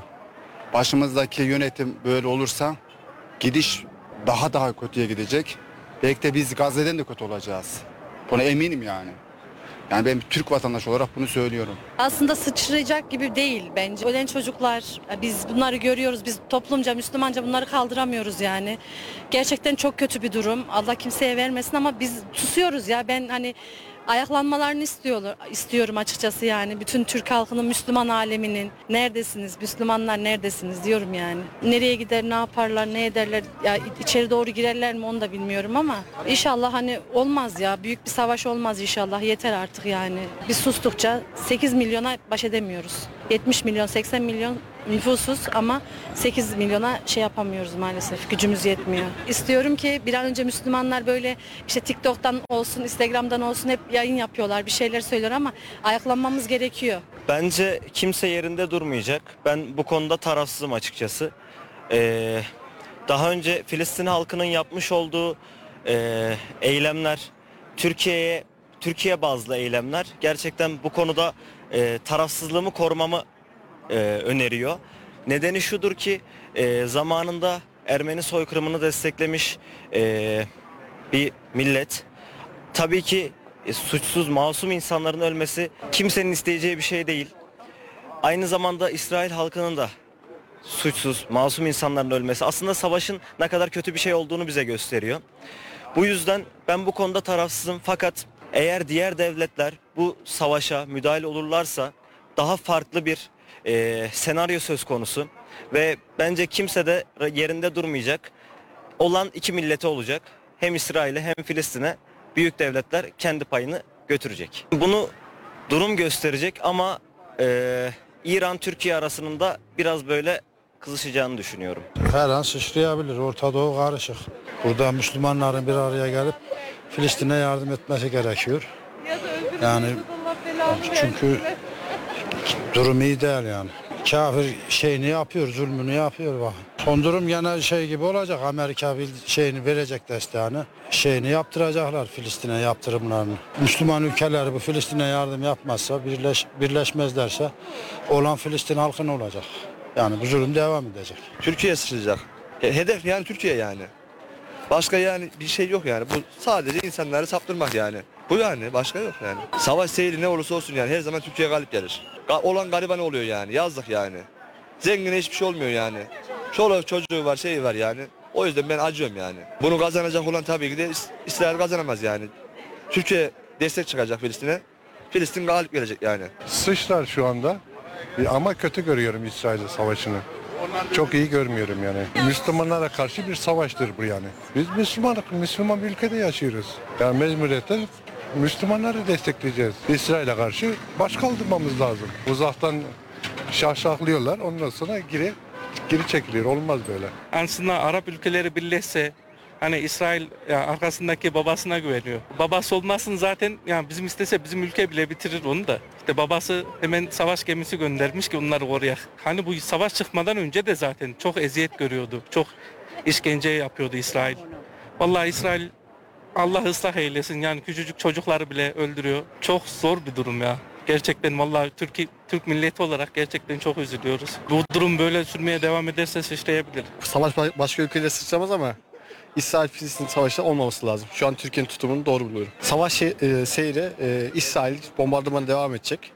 Filistin e, geri çekilmek zor, e, durumunda kal- kalacak gibi duruyor.